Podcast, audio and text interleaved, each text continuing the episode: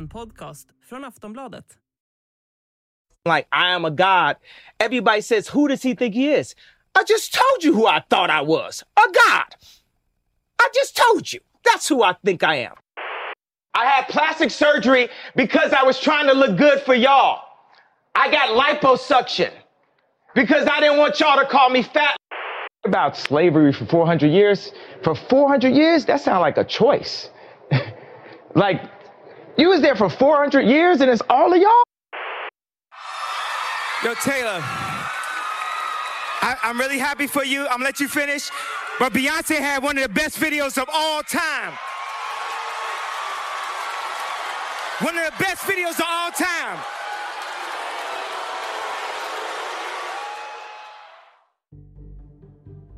Ja, det där var några uttalanden från rapstjärnan Kanye West, eller Jay som han nu kallar sig. Och att han är en provokatör är ingenting nytt. Men de senaste åren kan man säga att provokationerna och utspelen har eskalerat och tagit en allvarligare form.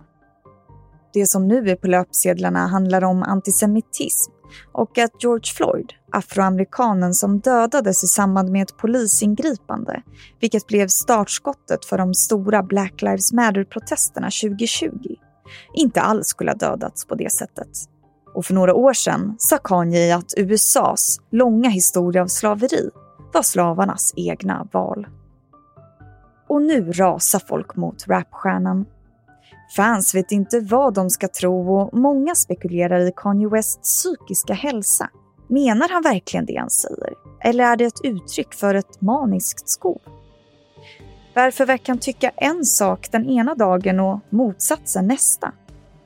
Man kan också fråga sig vad hans kränkande uttalanden får för konsekvenser. Och varför har han egentligen köpt Parler, sociala medier-appen som har förbjudits av både Apple och Google och som bland annat användes för att koordinera stormningen av Kapitolium. Mitt namn är Vilma Ljunggren och idag i Aftonbladet Daily ska vi prata om Kanye West och hans utspel med Nathalie Demirian, nyhetsreporter här på Aftonbladet. Hon får börja med att beskriva rapartisten för de som inte känner till honom.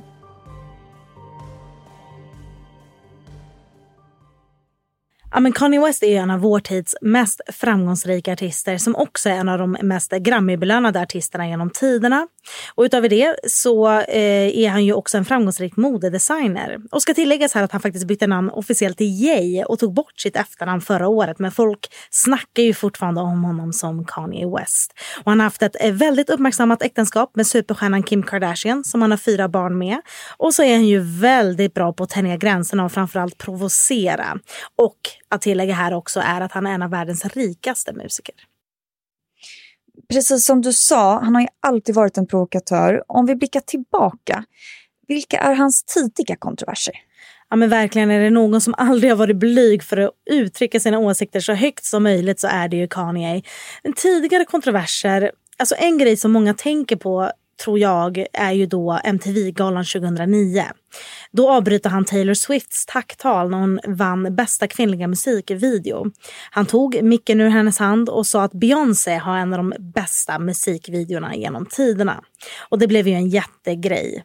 Och så har han ju under några år nu ja, tagit väldigt privata familjebråk väldigt offentligt på sociala medier. Och sen har ju hans presidentkampanjade och stöd till Donald Trump också eh, liksom blivit något man uppmärksammats jättemycket för. Och eh, ja, haft diverse rants om saker och ting. Och så har han också tolkats som en abortmotståndare. Det är också en sån grej som har liksom varit en kontrovers. Och så har han också å ena sidan offentligt bönat Kim Kardashian om att bli tillsammans med honom igen. Och å andra sidan gått till attack mot henne och hennes numera expojkvän Pete Davidson. Så det är väldigt, väldigt mycket kontroverser som har varit och det, det är faktiskt svårt att sammanfatta när man får en sån fråga för att det är för mycket. Jag förstår det. Eh, vi kan prata om en av de senaste utspelen då är ju det här om att George Floyd som dödades i samband med ett polisingripande i USA 2020 eh, inte alls skulle ha dödats på det sättet, enligt Kanye då. Vad handlade det om? Ja, det var ju en sån här grej han sa väldigt nyligen då att han tror ju att George Floyd inte alls dödades av eh, polis utan att det var på grund av fentanyl som han dog. Det är ju superkontroversiellt. Vi får inte glömma George Floyd blev ju världsnyhet och fick liksom Black Lives Matters-rörelsen eh, få helt nytt liv och bli en jätterörelse över liksom stora delar av världen. Och nu så gör han ner det hela till att ja, men George Floyd dog av fentanyl påstår han då. Mm. Um, en av väldigt många saker Kanye har sagt på senaste tiden som har väckt stor uppmärksamhet.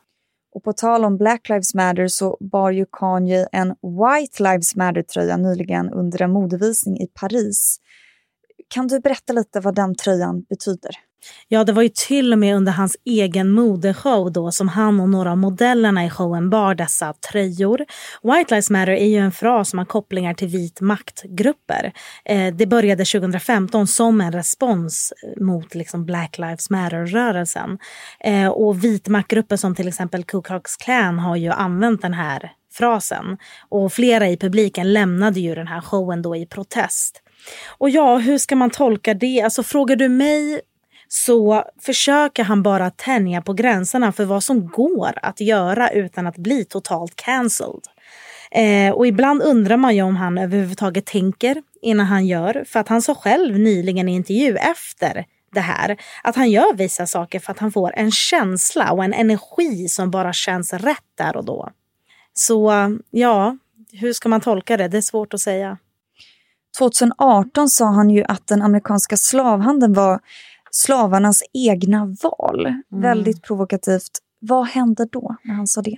Ja, det var ju i en live-intervju med TMC som han sa det. Och, ja, precis, det var det han sa. Han sa att 400 år av slaveri, 400 år, det låter som ett val.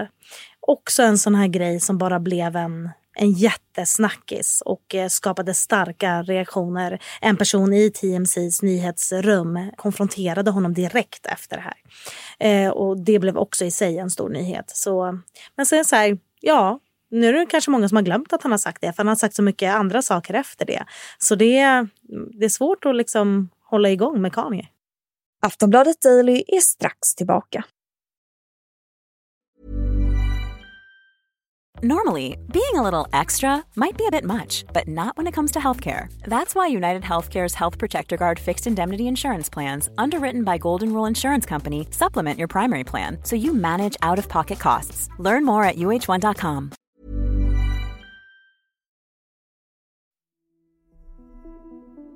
Samtidigt som Kanye West, eller Jay då, bär White Lives Matter-tröjan så pratar han emellanåt också om svartas utsatthet. Till exempel så menar han att storföretag inte vill jobba med honom just för att han är svart. Och i vårdnadstvisten med sin exfru Kim Kardashian så menar han att han är ett offer för en komplott som ämnar att trycka ner svarta fäder.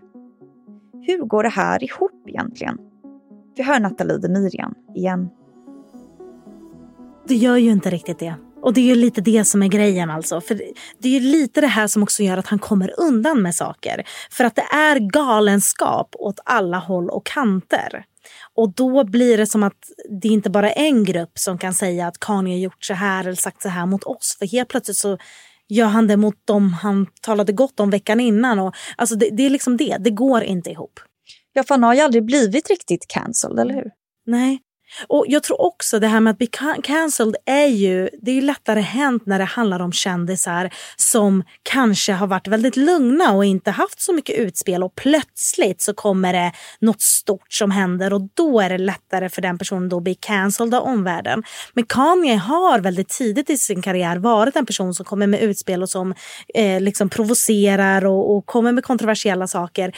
Inte på den nivån som han har gjort de senaste åren men ändå, han har varit en sån en sån artist. Och jag tror att är man det från start, då vet också folk lite vad de har att vänta sig där.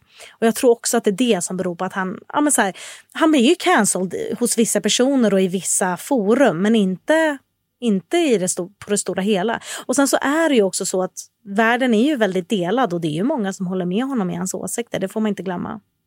Men som du sa så har ju utspelen tagit en allvarligare form de senaste åren. En annan sak var ju nu senast att han uttalat sig väldigt antisemitiskt. Mm. Kan du berätta om det?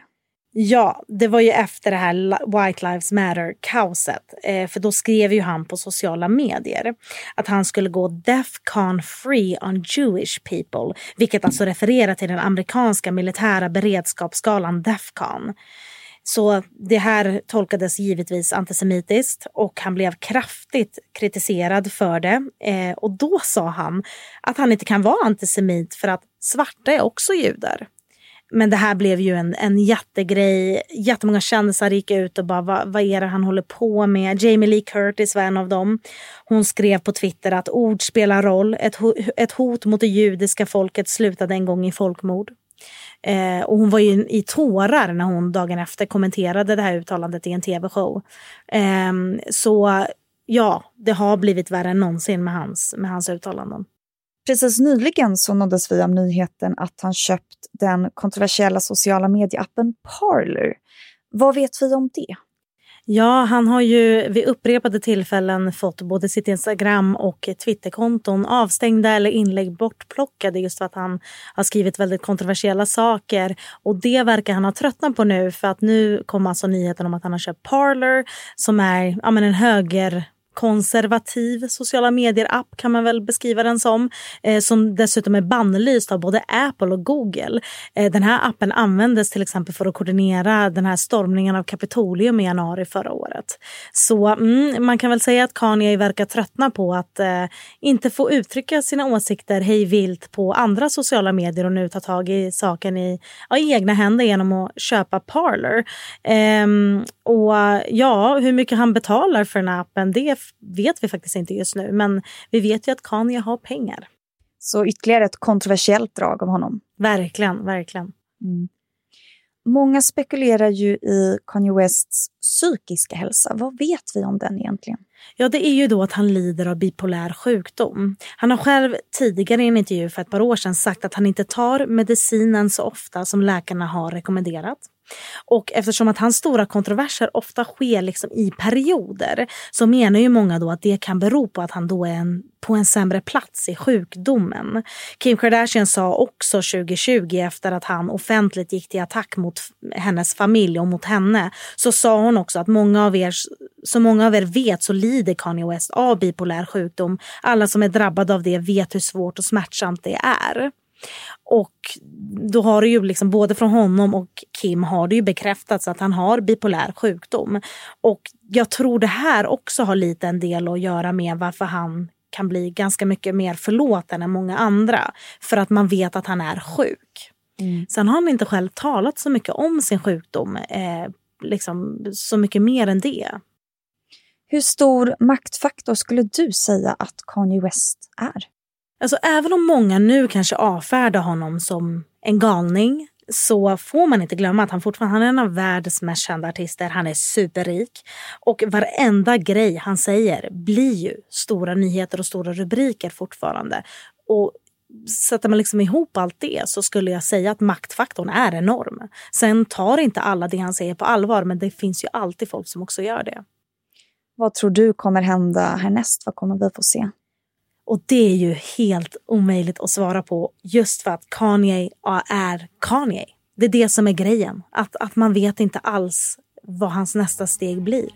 Eh, det kan bli att han ber om ursäkt för allt. Det kan också bli att han blir 50 miljarder gånger värre i sina uttalanden. Man vet liksom inte. Och det är väl det han gillar, att chocka. Nathalie, tack så jättemycket. Du har lyssnat på Aftonbladet Daily med Nathalie Demirian, nyhetsreporter här på Aftonbladet. Jag heter Vilma Ljunggren och tack för att du har lyssnat.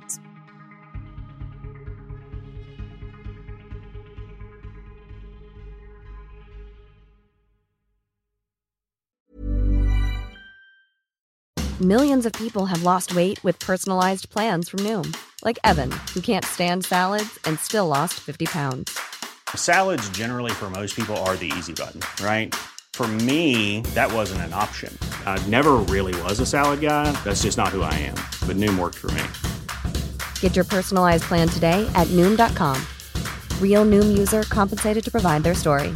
In four weeks, the typical Noom user can expect to lose one to two pounds per week. Individual results may vary. Du har lyssnat på en podcast från Aftonbladet. Ansvarig utgivare är Lena K Samuelsson.